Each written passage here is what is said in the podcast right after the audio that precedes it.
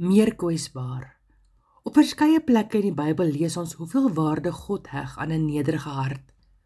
Wanneer ons in leiersposisies is of in 'n situasie waarin ander mense na ons opkyk, is dit baie maklik om trots en selfs verwaand te word.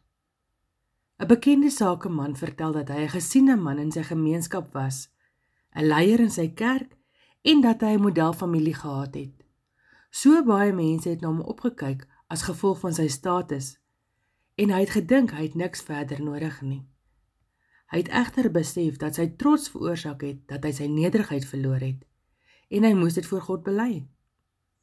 Wanneer ons in 'n posisie van aansien of leierskap is, het ons 'n reputasie om na om te sien. En dit kan so maklik veroorsaak dat ons hoogmoedig is en nie eerlik is oor ons geestelike behoeftes en tekortkominge nie. Maar God kan alles verander.